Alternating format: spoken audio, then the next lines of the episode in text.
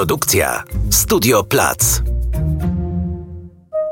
Zielony Podcast, czyli Rzyman pyta o klimat. Co niedzielę na Spotify, Apple i Google Podcast oraz na YouTubie. Krzyśka znajdziesz także na Instagramie, LinkedInie i na Facebooku. Krzysiek Grzyman, witam, a dziś będę pytał o to, co nas czeka w 2023 roku i o podsumowanie mijających 12 miesięcy.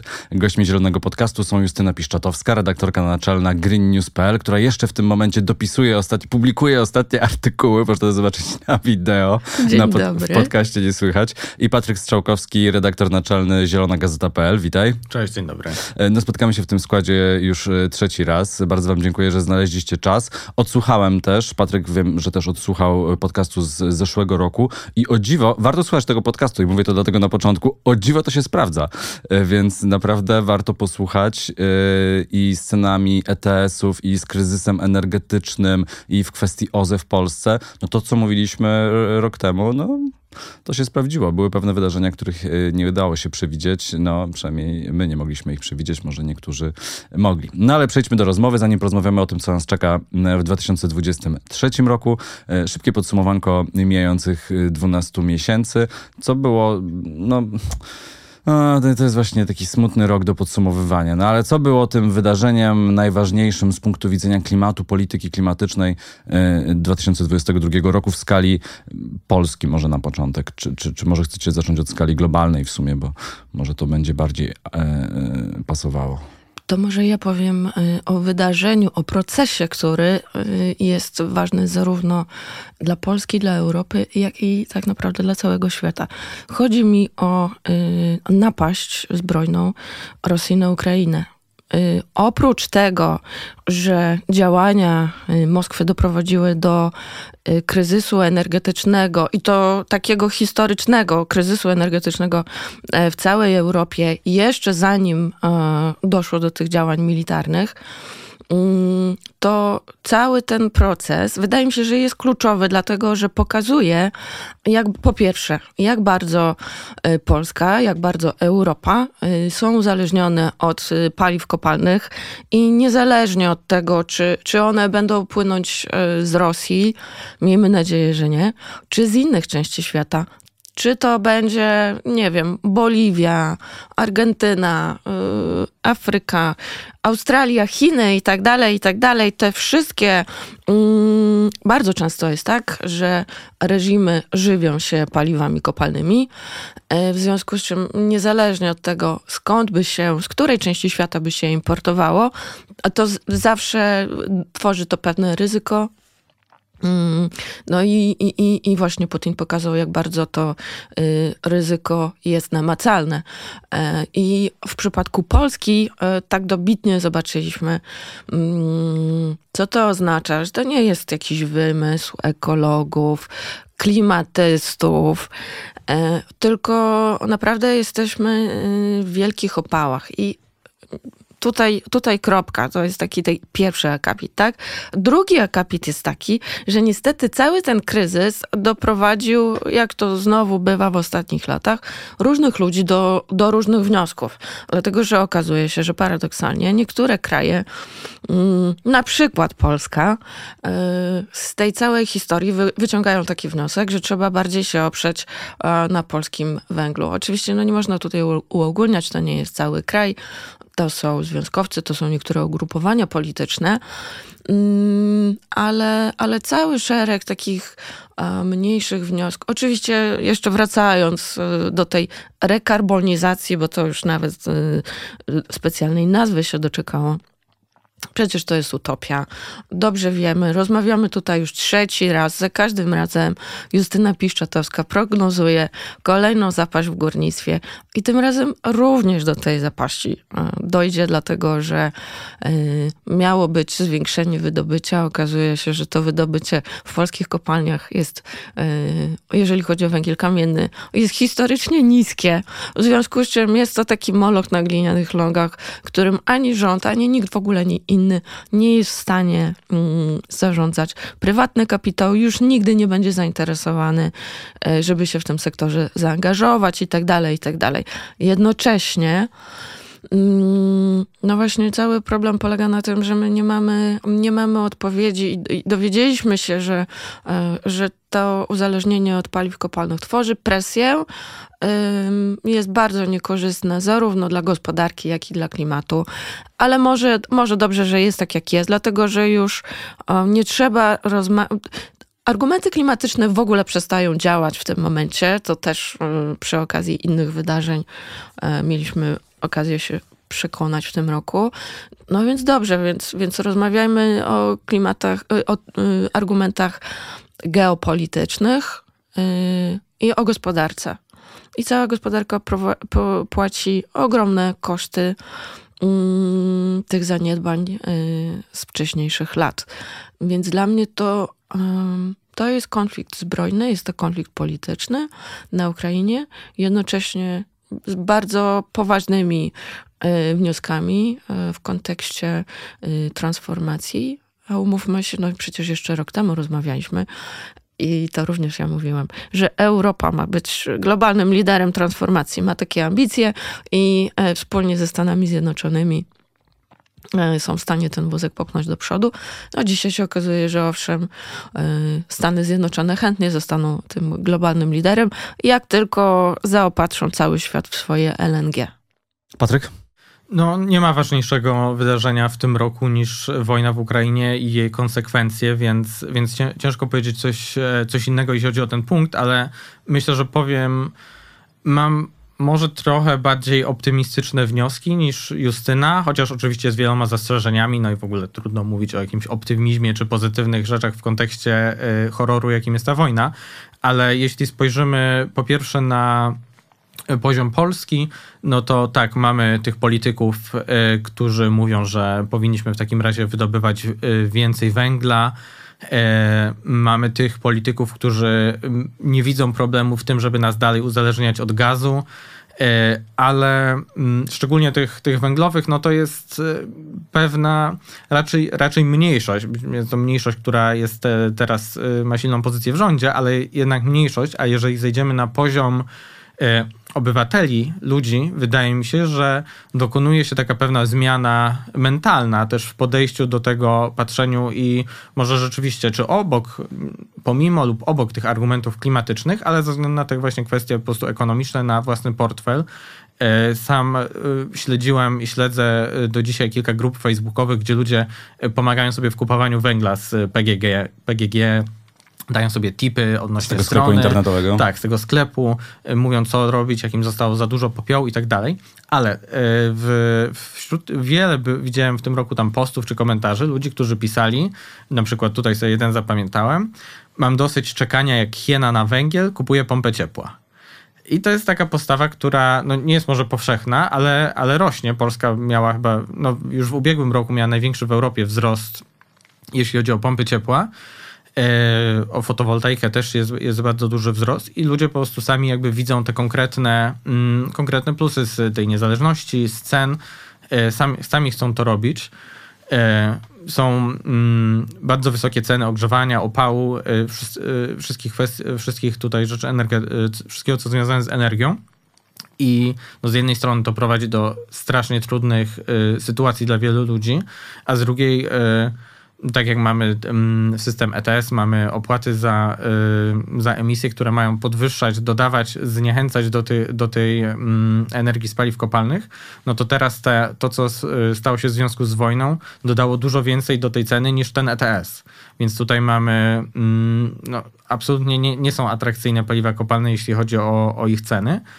E, no i wydaje mi się, że to, jest, że to jest ważna zmiana, która się dokonuje na tym poziomie mentalnym po prostu konkretnych ludzi, co widać też w sondażach z, rozmawiałem w tym roku z Adamem Traczykiem z Morning Common y, na temat takiego bardzo ciekawego badania, które wydaje mi się, że może być w ogóle fundamentalną kwestią, jeśli chodzi o to, co partie polityczne mogą robić w, przyszłym roku, w roku wyborczym, że jeśli pytamy, kiedy pytamy ludzi o politykę klimatyczną Unii Europejskiej, no to są dosyć podzieleni. Czy ci, którzy są za opozycją, raczej są zwolennikami, ci, którzy są za mm, zapisem, za prawicą, za konfederacją, są raz, raczej przeciwko, więc mamy taki podział. Ale kiedy pytamy ludzi, czy są, czy popierają rozwój fotowoltaiki, pomp ciepła, energii wiatrowej, to mamy 80-90%, którzy to popiera, bo po prostu widzą te, te konkretne korzyści, które są w stanie sobie sami na kalkulatorze policzyć.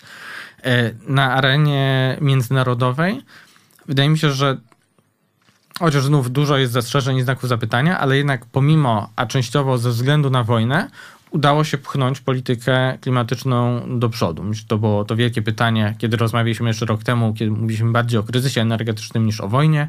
Mm, zastanawialiśmy się, sam się bardzo zastanawiałem, czy nie będzie tak, że te wysokie ceny energii to będzie taka broń populistów przeciwko polityce klimatycznej.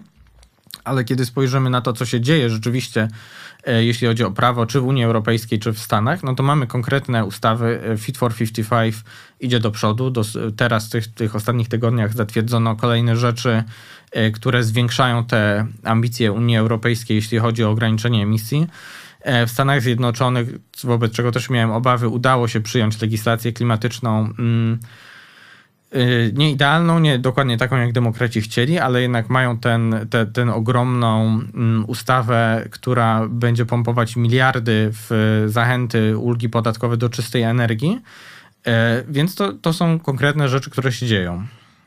E, to jeszcze e, dwa słowa do tego, co mówiliście. E, po pierwsze, Justyna, wydaje mi się, że świetnie młode aktywistki klimatyczne odniosły się do tego, co mówiłaś, że no tak, nie kupimy surowców energetycznych z Rosji, ale kupimy z innych krajów. My zmieniamy po prostu dealera i to Dominika Lasota, Wiktoria Jędruszkowiak z Inicjatywy Wschód od samego początku wojny to podkreślały i no musimy mieć tego świadomość, że po prostu jesteśmy uzależnieni od kolejnego kraju. To ta tak zwana dywersyfikacja wcale taka idealna dla przyszłości nie jest, ale odnośnie polityki klimatycznej, no to wydaje mi się tej unijnej, to wydaje mi się, że ta wojna udowodniła, że mm, Unia Europejska jako instytucja i, i, i, i jako polityki były słuszne. No to kraje członkowskie za, za, za wolno je wprowadzają, bo gdybyśmy mieli więcej zielonej energii, to mniej problemów wtedy, tak? No, yy, droga Niemiec bardzo dyskusyjna dojścia do neutralności klimatycznej. No właśnie, to tego dotyczyło takim, moje westchnięcie. Z takim tak? zakrętem przez Rosję i rosyjski gaz.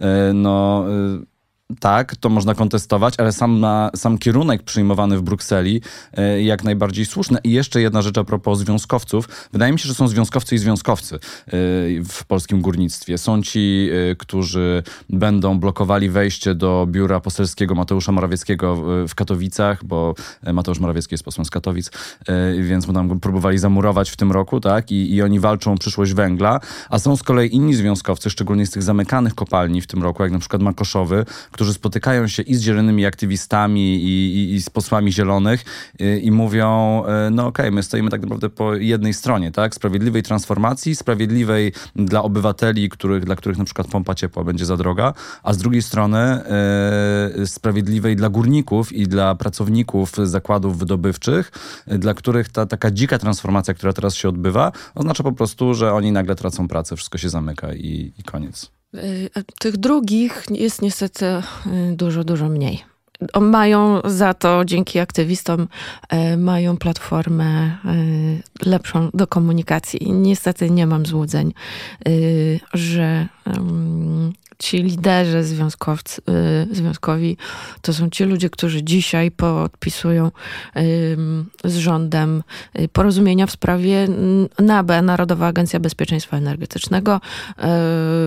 Y, gwarantują sobie zatrudnienie a przynajmniej, a przynajmniej jakieś tam stałe przychody Y, które mają wynikać z tego, że rząd buduje organizm nowy, węglowy, który tak czy inaczej y, będzie to podstawą naszego, y, naszego zaopatrzenia w prąd, bo ja nie lubię tego słowa bezpieczeństwo energetyczne, tego sformułowania, dlatego że w Polsce często jest takim wytrychem, którego używa się, żeby uzasadnić takie absurdalne, mm, absurdalne decyzje polityczne po prostu.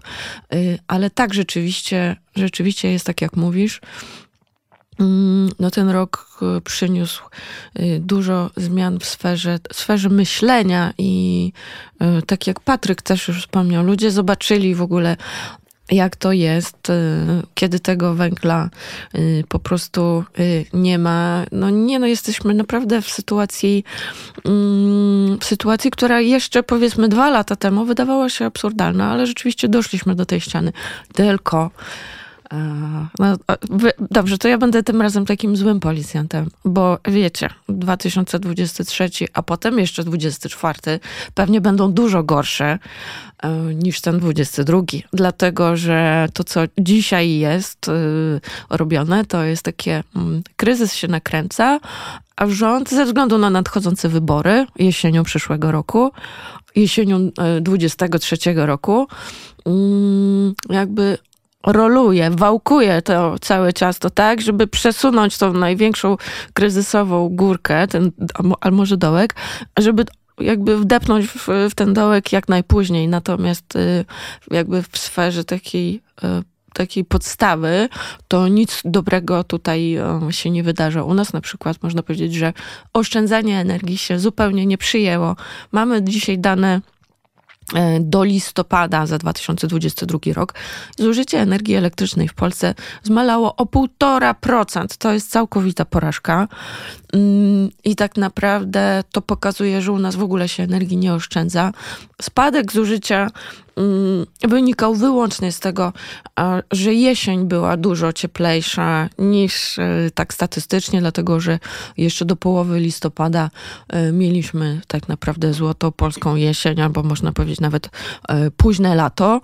Mm, I dopiero, i dopiero druga połowa listopada i grudzień to jest jakaś tam realna zima i tak dalej, i tak dalej. No oczywiście w sferze faktycznie tej mentalnej to się zmienia, tylko um, tylko, że to jakby sondaże też pokazują, um, że owszem, świadomość rośnie, a potem jak się to przełoży na realne działania, to tego w ogóle nie widać. Na przykład z cenami paliw, przecież y, paliwa do samochodów. Ileż przecież, Boże, nasłuchaliśmy się, y, że ten diesel po 8 zł to jest taki skandal. A potem wraca się z wakacji, wraca się z urlopu, wraca się ze świąt. Kolejki na stacjach są rekordowe. Mm, teraz rzeczywiście widać już takie spowolnienie popytu ze względu na, y, na ten kryzys gospodarczy i inflację. I myślę, że to będzie pierwsza połowa 2023 roku. To o tym będziemy rozmawiali. Mm, ale Polacy deklarują, że tak, że się martwią, że to trzeba zmienić. Y, ale od swojego podwórka, no to tylko, tylko w tym obszarze, gdzie trzeba naprawdę na Facebooku y, znaleźć, jak kupić, y, jak kupić to paliwo, którego, o, którego nie ma. No i, i nie, ja nie jestem naprawdę optymistycznie nastawiona do tego. No i Patryk, teraz coś musisz powiedzieć optymistycznego, żeby tutaj zbalansować lewe, prawe ucho, trochę negatywnie, trochę pozytywnie.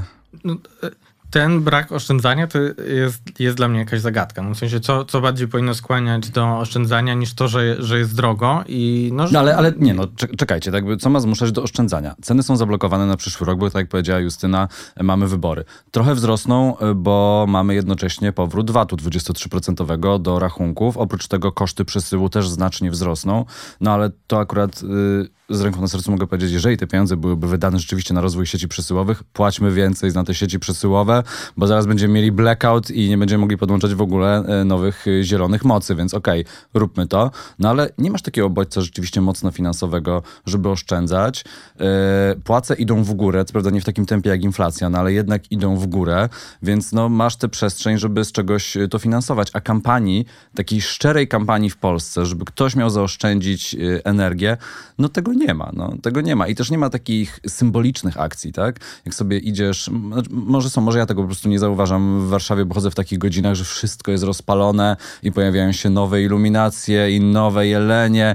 Nie krytykuję tutaj, bo pewnie to jest ta miła rzecz w tej szarej codzienności, szczególnie teraz nagrywamy to e, w dniu roztopów. E, straszna plucha i może to jest coś przyjemnego, rzeczywiście takiego poprawiającego humor, no ale prawda jest taka, że nie masz tej takiej symboliki też, tak, że nie wiem, coś jest przygaszone, coś jest ciemniej. Nie, no wszystko jest rozhajcowane, a jak pójdziesz do jakiejś instytucji, już nawet nie koniecznie publicznej i czasem wchodzisz do sali konferencyjnej, tam 24 stopnie.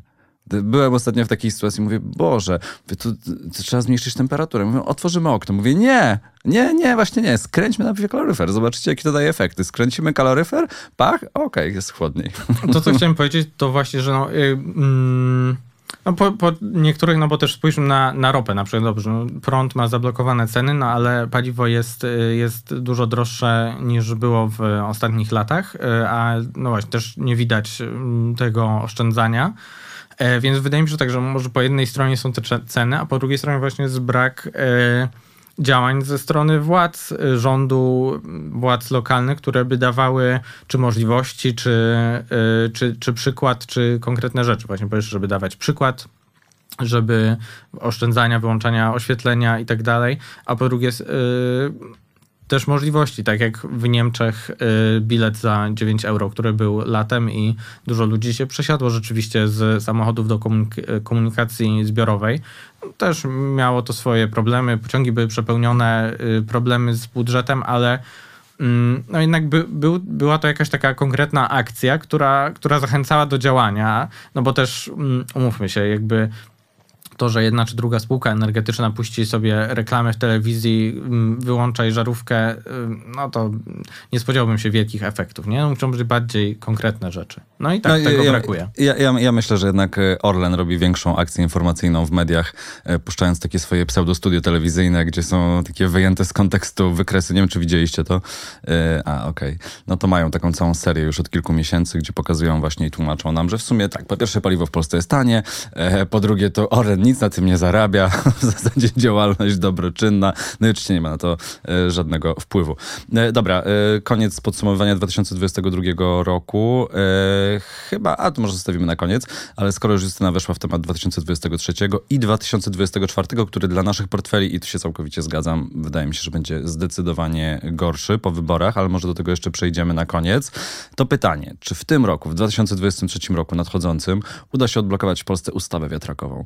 To jest temat, który powraca jak bumerang i już wydawało mi się, jak nagrywaliśmy zeszłoroczne podsumowanie, że nie ma sensu do niego wracać, no ale sam rząd do niego wrócił, e, nie cały co prawda, ale częściowo w czerwcu e, tego roku, żeby jednak tę zasadę 10H poluzować. Pół roku minęło, nic się nie zmieniło i co jest dla osób, które, no wystarczy, że przeczytają trzy artykuły na ten temat, to jest szokujące, że jest kilka osób w tym kraju, które są w stanie to zablokować i dalej za tym idąc, jestem no, ostatnią osobą doszukującą się jakiejś inspiracji z zewnątrz do tego, no ale czyż to nie jest aż dziwne, że coś, co mogłoby tak pomóc Polsce energetycznie i naprawdę się uniezależnić od dostawców z zewnątrz, jest blokowane przez jakąś przedziwną siłę, e, która jest rozłożona między Warszawą a Brukselą, bo wiemy, kto tam z polityków prawicy nie lubi tego rozwiązania.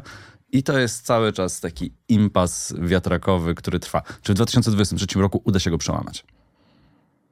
Nie. Okay. Tak. tak, uda się? Eee... Przed wyborami będzie trzeba? Mm, nie, po wyborach.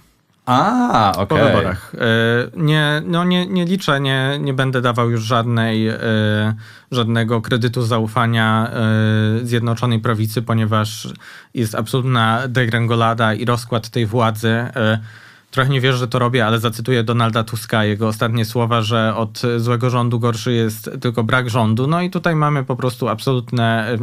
Mm, zupełny rozkład tej koalicji, która nie jest w stanie nic konstruktywnego, y, w, a szczególnie w tematach energetycznych y, przyjąć, więc y, skoro nie, nie było tego teraz w grudniu, może, może coś jeszcze w związku z tym, z tym Krajowym Planem Odbudowy, ale mm, tutaj też nic, nic bym nie obstawiał, ale no, miał, miałbym nadzieję, że to będzie jedna z pierwszych ustaw, e, które, e, które zostałyby uchwalone po wyborach.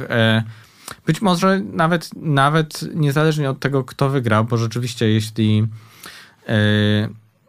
jeśli ta, mm, ta część PiSu, która nie jest przeciwko wiatrakom, uwolniłaby się w jakiś sposób od tej, tej części, która to blokuje, to być może nawet ta władza byłaby w stanie to zrobić. Są Myślę, że nawet w tym rządzie są osoby, które, które widzą tę potrzebę.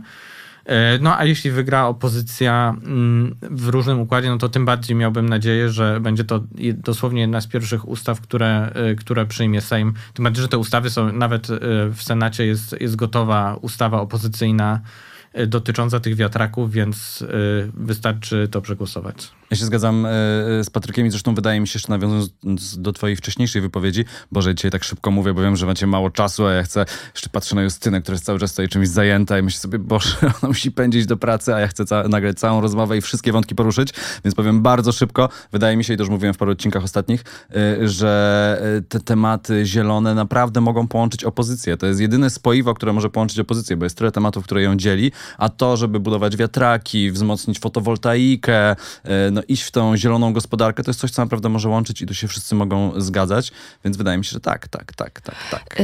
Ja tylko wam przypomnę, ściągając tę dyskusję troszeczkę na poziom, na poziom podłogi, że wybory są w listopadzie i zanim koalicja się, ewentualna koalicja się jakoś tam sformułuje, to, to 23 już się skończy i nikt tych przepisów e, nie będzie miał czasu przyjmować.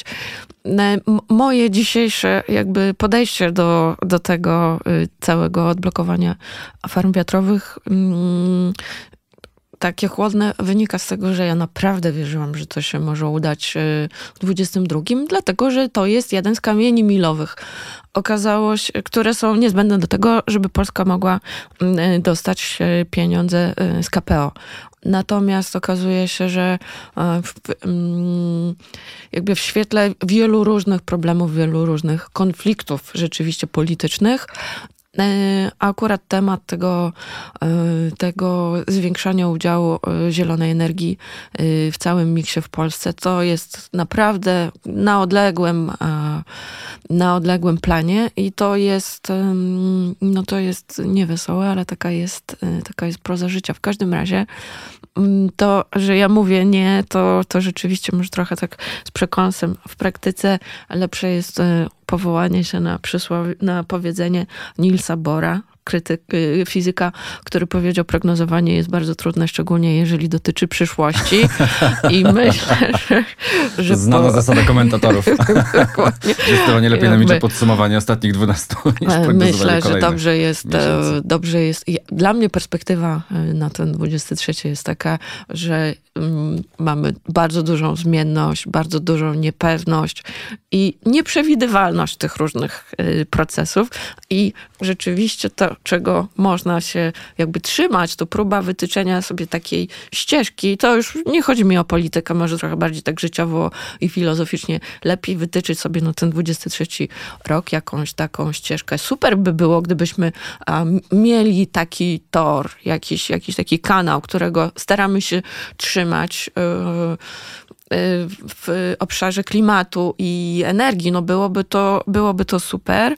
Y, oczywiście my, tak jak tutaj rozmawiamy, jesteśmy w stanie pewnie stworzyć sobie jakieś takie postulaty, o których zawsze warto przypominać i, i przywracać tę e, całą sytuację e, w sferze przynajmniej takiej komunikacyjnej właśnie, do jakiegoś tam powiedzmy pionu, dlatego że wydaje mi się, że to wahadło będzie się bardzo mocno wychylać zarówno y, w jedną, jak i w drugą stronę. Rzeczywiście z takich pozytywnych zjawisk można e, odnotować to, że pierwszy raz energetyka, transformacja, odnawialne źródła energii mm, wydają się bardzo istotnym punktem na mapie tych wszystkich politycznych postulatów, które będą e, poruszane y, w kampanii wyborczej. A czy to będzie temat kampanii wyborczej w 2023 roku na jesieni?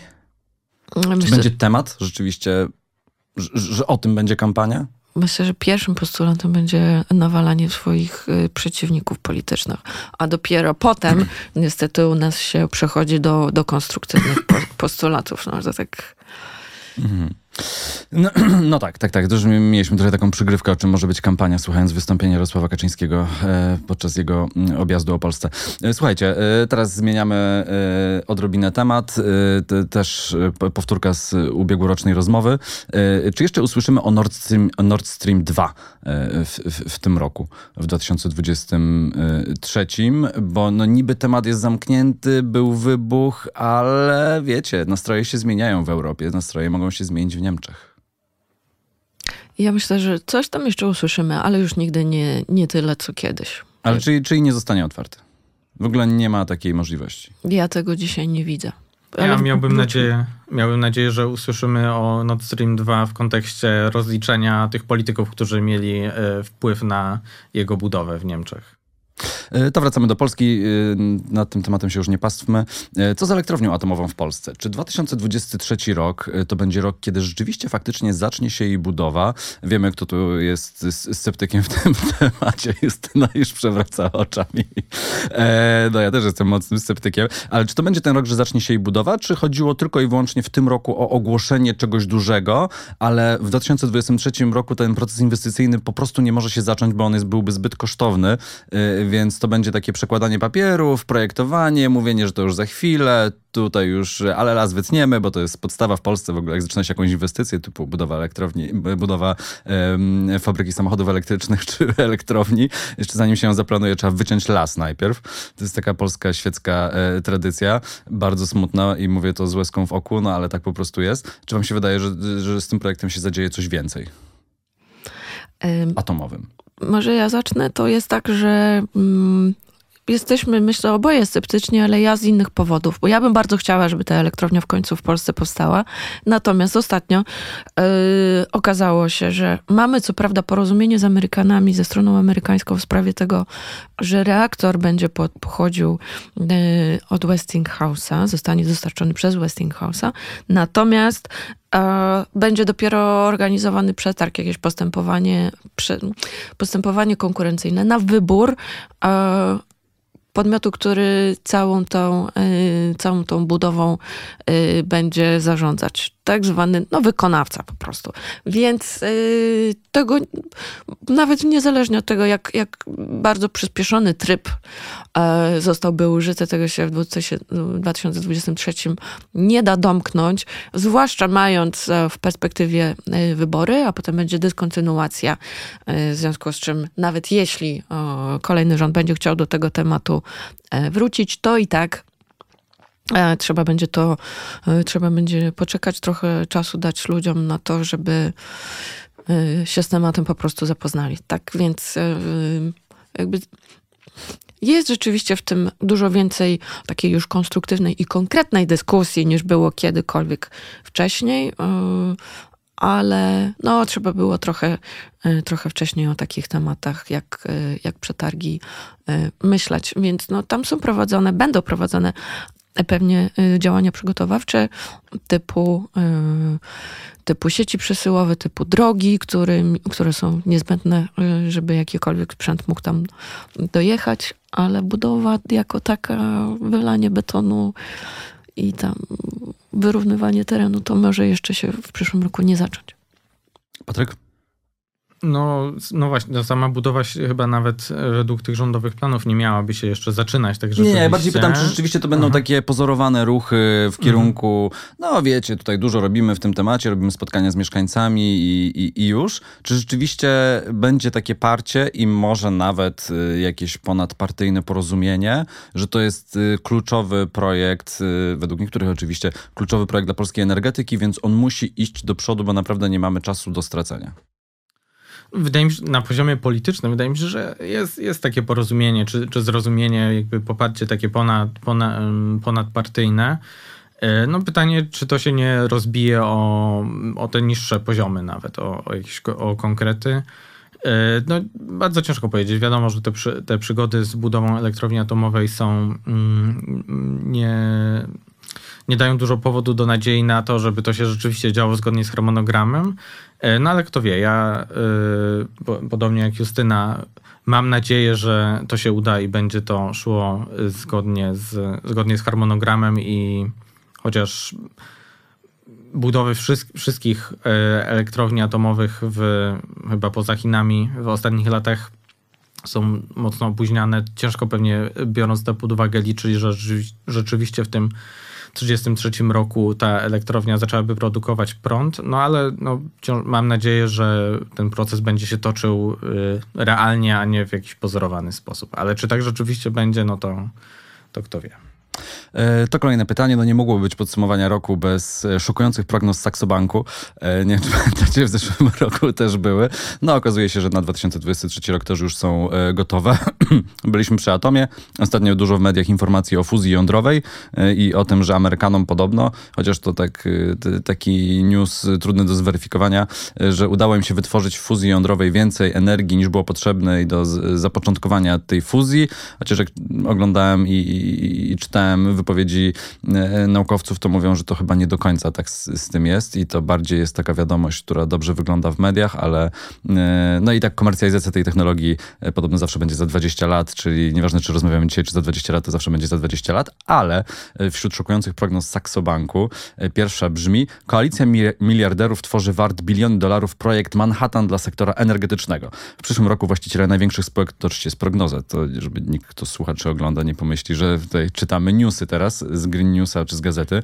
W przyszłym roku właściciele największych spółek technologicznych i inni miliarderzy technofile e, zaczną się niecierpliwić brakiem postępów w rozwoju niezbędnej infrastruktury energetycznej, która pozwoliłaby im zarówno zrealizować swoje marzenia, jak i zająć się konieczną transformacją energetyczną. Łącząc siły, utworzą konsorcjum, nazwijmy je Third Stone, trzeci kamień, w celu pozyskania ponad biliona dolarów na inwestycje w rozwiązania energetyczne. Czy wyobrażacie sobie, że ci miliarderzy z Doliny Krzemowej, którzy dzisiaj inwestują miliardy dolarów w Twittera albo przepalają miliardy dolarów na giełdach kryptowalut, które później upadają, że i nagle mówią, okej, okay, Kochani, jest sprawa do załatwienia. Klimat, siadamy z rzutka i lecimy z tematem. E, czy, czy tak sobie to wyobrażacie? Czy na przykład patrząc na doświadczenia fundacji e, Billa i, i Melindy Gatesów, takie rozwiązania w ogóle mogą, e, mo, mogą działać?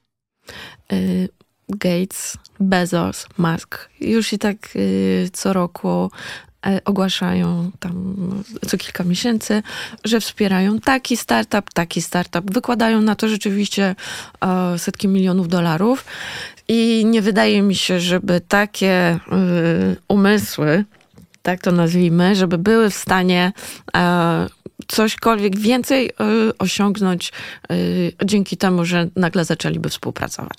Tak naprawdę wiadomo, że y, ich to, interesuje... Oni w ogóle chcieliby współpracować, bo dokładnie, to jest ten pierwszy problem.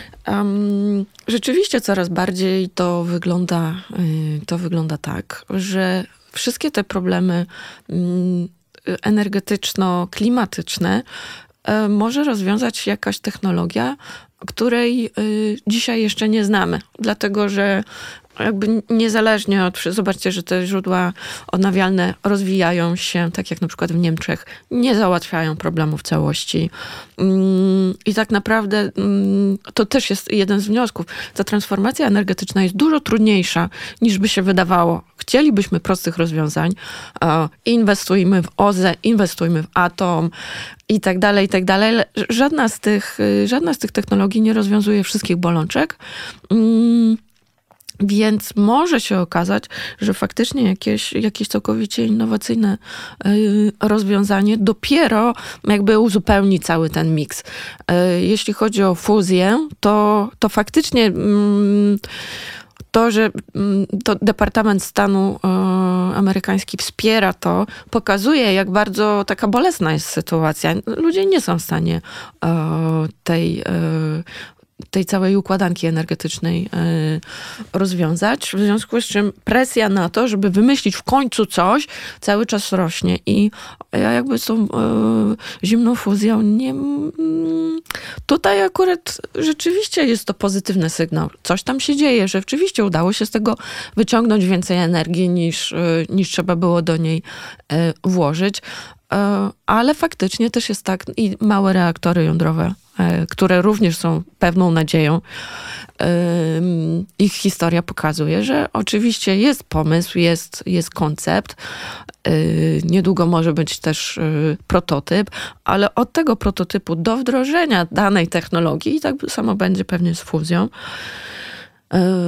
od punktu A do punktu B jest tak bardzo daleka droga, bo to rzeczywiście musi być bezpieczne, musi być opłacalne, więc jakby Tutaj może bardziej optymistycznie i pewnie technologie nas y, w końcu uratują.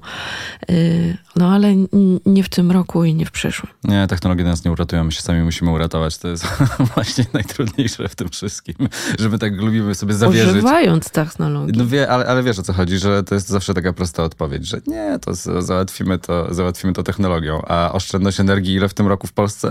Półtora procent. Wiesz co, jak, jak spojrzę na te teksty, mm, materiały prasowe, które dzisiaj dostarcza sztuczna inteligencja, e, ze smutkiem stwierdzam, że one są lepsze od wielu mhm. artykułów, które ja dzisiaj y, widzę w internecie, napisane przez maszynę. Więc Zobaczymy, jak to się będzie rozwijać, ale z tymi maszynami jest różnie, bo ostatnio pisałem artykuł o mitach na temat energii wiatrowej i z ciekawości poprosiłem e, AI, żeby mi wymienił te mity. I jak e, raz zadałem te pytanie, to wymienił mity takie, jakie są rzeczywiście, na przykład, że mają szkodliwe infradźwięki czy promieniowanie. A jak później zadałem drugi raz to samo pytanie, to powiedział, że mitem jest to, że energia z wiatraków jest zielona, ponieważ e, musisz wykorzystywać stal. Więc no, AI trochę nie odróżnia prawdy od, od, od nieprawdy. Może to jest do naprawienia. Jeśli chodzi o technologię, no fuzja jądrowa nie uratuje nas przed kryzysem klimatycznym. A czy, a czy miliarderzy szybciej zbudują zbudują e, fundusz Projekt Manhattan, czy szybciej mhm. skolonizują Marsa i Jeff Bezos i Elonem Muskiem po prostu będą już tam siedzieli i śmiali się z nas e, no, ludzi, myślę, którzy że, zostali na Ziemi? Myślę, że e, Elon Musk prędzej uda nauczy się poczucia humoru niż skolonizuje Marsa, a jedno i drugie wydaje się dosyć, dosyć kosmicznie odległe. Jego przygody z Twitterem, no myślę, że dobrze, że Elon Musk kupił Twittera i że tweetuje, bo to pokazuje, że naprawdę ci miliarderzy to nie są jacyś koniecznie mądrzy ludzie i, i mamy tutaj, widzimy, widzimy to mm, z pierwszej ręki. Yy, więc jakiegoś tutaj projektu na miarę hollywoodzkiego filmu, gdzie, gdzie po prostu Bezos i Musk yy, i Gates idą za rękę i Kapitan Planeta, tego się nie spodziewam. Yy, ale biznes jako biznes, przedsiębiorstwa, korporacje no, muszą działać i te działania są ważne. Wiadomo, że raczej jesteśmy trochę sceptyczni do tego, co robią firmy, bo jest mnóstwo greenwashingu, bo doświadczenia z tym, co robiły firmy z branży paliw kopalnych raczej e, napędzały ten kryzys, a nie go rozwiązywały. Ale po prostu, kiedy, no nie pamiętam tych dokładnych danych, ale w biznesie jest tyle więcej pieniędzy niż w rządach, no, że bez, bez działań tego biznesu, bez inwestycji, to się mm, no, nie uda się wdrożyć tych technologii, które mamy, nie? Więc działania tego, działania biznesu są po prostu potrzebne.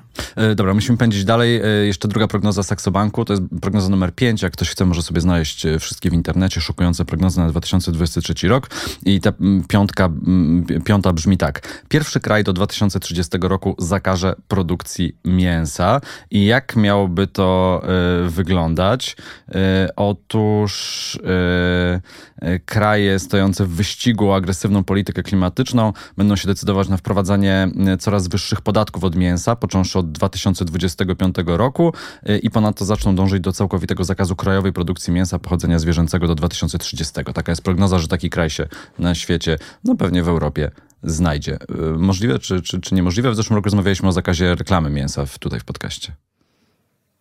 Myślę, że taki, to może się wydarzyć. Na pewno tym krajem nie będzie Polska. Dzięki. Brzmi to może jakiś kraj taki, chociaż akurat Nowa Zelandia ma dużo mm, no właśnie, owiec, więc... No ale no właśnie, ja też tak myślałem i potem zaczynasz się zastanawiać, który owiec. kraj mógłby to zrobić, na no przykład właśnie. Dania. Kurczę, te wszystkie kraje ale, są też zaangażowane właśnie, no to, w przemysł mięsa. To mięso jest i, i przemysł, i, i, kultura, i kulinarnia, więc trochę ciężko. Z drugiej strony pomyślałem Nowej Zelandii, bo oni wprowadzili absolutny zakaz sprzedaży papierosów. Nie ze względu na wiek, tylko nikt, kto ma chyba mniej niż 14 lat, w sensie, że obywatele urodzeni po, po pewnym roku nie będą już mogli nigdy, więc za, za ileś tam, za ileś lat, nie będzie można, nikt nie będzie mógł legalnie kupić papierosów, więc coś, co jest e, trudne do wyobrażenia sobie w wielu innych krajach, a e, no, wprowadzili coś takiego, więc kto wie, może. Mm, no ale nie, nie spodziewałbym się chyba zakazu, zakazu produkcji mięsa. No ciekawe. Z, z, z, zobaczymy, może któryś kraj nas zaskoczy. No to jeszcze wracam do pytań z listy. Czy waszym zdaniem dojdzie w tym roku 2023 do reformy systemu ETS w Unii Europejskiej? Czy, czy, czy będą takie zakusy, żeby jednak coś pozmieniać? Bo też będzie duże napięcie związane z wysokimi kosztami energii. Nie wiem, może go za, zawiesić, jakoś zreformować, Justyna? Nie, myślę, że Bruksela skupi się na tych y, programach, które już są. Y, Fit for 55, Repower EU i cały ten zielony, e, zielony kierunek, y, ale ETS już nie wymaga jakby żadnego tak naprawdę kalibrowania. Okazało się, w czasie kryzysu rzeczywiście tam scenami się działo dużo, ale zauważcie, że tak naprawdę na rynkach surowców działo się dużo gorzej, dużo więcej. W związku z I średnia czym... cena ETS-ów za ten rok jest poniżej 90 euro za, za tonę. Tak. jednocześnie no, prognozowany jest dalszy wzrost y, kosztów y, tych uprawnień do emisji, w związku z czym to jakby z punktu widzenia tej polityki klimatycznej jest wystarczające aczkolwiek dla Polski będzie również bardzo trudne, dlatego że tam e, pojawiają się e, w perspektywie 2030 roku pojawiają się ceny już grubo powyżej 100 e, euro za tonę emisji. W związku z czym no my jakby e, zamykając oczy na to, że ta, że ta reforma e, rzeczywiście się toczy, będziemy tylko cały czas sobie kopać w kostkę jako kraj gospodarczo. No ale nie, nie. Podsumowując, reformy ETS-u, nawet mniejszych zmian, ja bym się nie spodziewała. A w sensie po, poza tą reformą, która już trwa w ramach Fit for 55. No tak, tak, tak, tak. Czyli no tutaj raczej nie, nie, nie reforma taką, jak sobie mogą wyobrażać niektórzy politycy z polskiego rządu, czyli jakieś tutaj zawieszenie, y, tylko raczej... Tylko rozszerzenie. Roz, rozszerzenie mm. w, oczywiście w perspektywie raczej końca tej dekady, ale, ale tak, w planach jest rozszerzenie i akurat byłem w grudniu w Brukseli i Wiadomości Pyta... z pierwszej ręki. Tak, wiadomości z pierwszej ręki. Pytałem kilku europosłów z Zielonych, z EPP na temat ETS-u, czy właśnie, czy, czy ten kryzys nie zablokuje, no bo skoro mamy wysokie koszty ogrzewania i tak dalej, no i mówili, że chociaż oczywiście trudno jest o tym rozmawiać, no to tutaj mówimy o perspektywie nie przyszłego miesiąca, ale 2027 roku i później. E, no i to, to się toczy i, te, i, i, przyjdzie ten ETS i no dobrze by było, żeby, mm, żeby władze też w Polsce przygotowywały nas na to, że te, te koszty e, związane z ogrzewaniem, e, związane z paliwem będą i że musimy się, musimy działać tak, żeby to no, biorąc po prostu to pod uwagę. To ostatnie pytanie, bo już naprawdę czas nas goni. Justyna już nie może. Nie, absolutnie nie. Kochani, ostatnie pytanie. E, czy liczba rowerów w stolicy Polski, w Warszawie, w przyszłym roku przekroczy liczbę samochodów osobowych? To pytanie jest nieprzypadkowe, zaraz wam powiem dlaczego. Biorąc pod uwagę, że każdego dnia do miasta przyjeżdża 800-900 tysięcy aut, bo ludzie przyjeżdżają do pracy spod Warszawy, dlatego że często nie mają innych y, możliwości dostania się do miasta, a przynajmniej nie są to możliwości wygodne. Y, no to niestety, niestety znowu Justyna Piszczatowska mówi, że nie, no ale bądźmy realistami. No, myślę, że nie. Mi się e, kraje serce, jak patrzę na to, jak Warszawa straciła szansę na, na stanie się bardziej rowerowym miastem, którą wykorzystały w czasie pandemii na przykład Paryż czy, czy, czy Bruksela. Mm, no, nie byłem nigdy w Paryżu, ale widziałem po prostu zdjęcia, nagrania E, które pokazują, jak po prostu staje się tam rowerowa rewolucja i ze strony urzędników często słyszymy, że to, że nie można tych tras rowerowych, bo to trzeba planować i tak dalej i że może tutaj za 5, za 10 e, lat, że nie można po prostu. No ale są miasta, które pokazują, że można. Można postawić słupki, wytyczyć pas i zrobić, można było zrobić taką małą rowerową rewolucję i to się nie stało.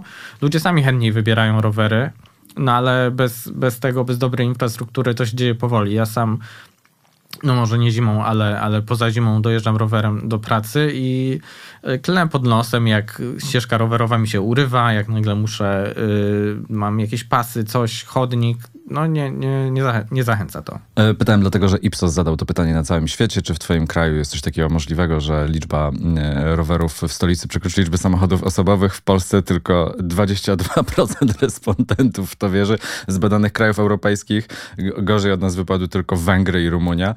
E, no bardzo, bardzo przykre. Na pierwszym miejscu Holandia, no ale to wiadomo, 60%, że, że tak. Bardzo wam dziękuję. No teoretycznie mógłbym was jeszcze zapytać, bo gdzieś nam to uciekło to pytanie, czy jest jakaś firma, startup, y, które zwróciły waszą uwagę w tym roku? Y, Zielony? Tak, ja, ja chętnie y, powiem o polskiej spółce. Y, ICPT to jest y, Impact Clean Power Technology. y, Całkowicie polski projekt. Rozwiązanie, które y, spod Grodziska, y, bo to też jest y, istotne. Mm, y, Rozwiązanie, które oni dostarczają, to są po prostu baterie do samochodów, do w ogóle pojazdów elektrycznych, również dla autobusów. Mm, I to nie jest rocket science, ale jednocześnie pokazuje bardzo fajnie, e, że polskie, polskie firmy też mogą i mogą zyskiwać na tym zielonym trendzie. Ja mam nadzieję, że po prostu e, i teraz y, i, i, buduje gigafabrykę, tak to sobie nazwali. E, Pozyskali inwestora i e, myślę, że mm, Myślę, że to jest naprawdę taki pozytywny business case, który pokazuje, że, że można iść e, do przodu i można budować tutaj miejsca pracy, e, no, jakiś poziom zamożności takiej ogólnej e, dzięki, dzięki działalności polskich przedsiębiorców. No, A potem jeszcze są kolejne jakby startupy, które wokół tego powstają, mm, które na przykład y, pracują na tym, żeby te baterie e, z autobusów y, już używane wykorzystywać do tego, żeby magazynować, y, magazynować prąd i stabilizować w przyszłości system energetyczny zasilany odnawialnymi źródłami energii i, w ogóle tą energetyką rozproszoną. Więc co, o tym się bardzo dużo nie mówi, ale rzeczywiście w Polsce jest ten taki, ta zielona nisza, ten green tech, te, te startupy i w ogóle projekty zielone, które cały czas y, się rozwijają i, i czekają na swój moment tak naprawdę, na ten taki, na ten taki y, przełom, więc może, o, taki pozytywny akcent po tych wszystkich czarnych łabędziach, które tutaj wyciągałam. Ale Justyna też przyniosła nam tutaj coś słodkiego. Słodkie belgijskie e, czekoladki, to zostawimy sobie na koniec. E, Patryku? Ja e, też mam takie wrażenie, bo akurat w tym roku byłem na, tak, na takim spotkaniu z Francem Timmermansem, z polskimi tutaj zielonowy, a propos nowych zielonych technologii i rzeczywiście zrobiło na mnie wrażenie poziom, poziom wiedzy, e, mm, przy czym to raczej większość to nie były startupy, tylko takie już ugruntowane firmy, no ale zrobiło na mnie wrażenie, że rzeczywiście ile jest ludzi, którzy mają konkretną wiedzę, konkretne pytania, konkretną gotowość do rozwijania tych zielonych technologii. E, Taki startup, na który zwróciłem uwagę, czytałem, akurat to nie, nie był tam, ale, mm, ale czytałem o takim startupie NanoSyn, który robi urządzenia do ocalania wody morskiej, y, takie bez, y, bez użycia prądu, po prostu grawitacyjne takie filtry, co jest, podoba mi się dlatego, że to nie jest taka taka błyskotka, jak czasem mamy od, od firm, startupów na technologię, czasem mamy takie rzeczy, które są trochę, trochę takimi świecidełkami, a tutaj jest coś, co jest może trochę nudne, ale super potrzebne dla wielu ludzi poza Polską. A być może w Polsce też jakieś rozwiązanie do tego znajdziemy, bo rozmawialiśmy przed, przed nagraniem y, z Krzyszkiem na temat Odry, która jest zasolona. Inne polskie rzeki są zasolone. Y, Kanał Gliwicki, który wpada do Odry, y, ma większy poziom zasolenia ni, niż Ocean Atlantycki. E, No i być może takie technologie to jest coś, co pozwoli nam też trochę ratować te polskie rzeki, a to, to, to zasolenie no to nie jest, mm, nie jest taki, taki wydumany problem. Ta katastrofa w 2022 roku, e, masowe wy, wymieranie ryb w Odrze, to było związane właśnie z rozwojem alg, przez to, że e, woda była zbyt zasolona, bardziej niż powinna być w rzece. No i właśnie, może to jest technologia, która nie tylko się przyda do, do wody pitnej gdzieś w, na, na innych kontynentach, ale też w Polsce do tego, żeby y, poprawiać jakość tych, tych naszych rzek i jezior. I tu stawiamy kropkę. Patryk Strzałkowski, Zielona Gazeta.pl, Justyna Piszczatowska, greennews.pl. Bardzo wam e, dziękuję za e, rozmowę i za spotkanie. Spotkamy się, mam nadzieję, za rok. E, W podcaście e, mała e, przerwa, bo jadę na wakacje. Muszę was ostrzec, jak pojechałem na początku tego roku, czyli 2022 na wakacje, wróciłem, była wojna. Wcześniej byłem na wakacjach dwa lata wcześniej, wróciłem, zaczynała się właśnie pandemia w Polsce, więc To może lepiej nie jedź. no, Przemyśl to jeszcze. ostrzegam, ostrzegam, ostrzegam bardzo, ale no czasem też trzeba e, odpocząć. Bardzo wam dziękuję. Zielony Podcast także do zobaczenia i e, do zobaczenia na YouTubie, a do usłyszenia tam wszędzie, gdzie można słuchać podcastów. To był Zielony Podcast, czyli Rzyman pyta o klimat. Co niedzielę na Spotify, Apple i Google Podcast oraz na YouTubie. Pamiętaj, żeby subskrybować kanał. Nie przegapisz żadnego odcinka.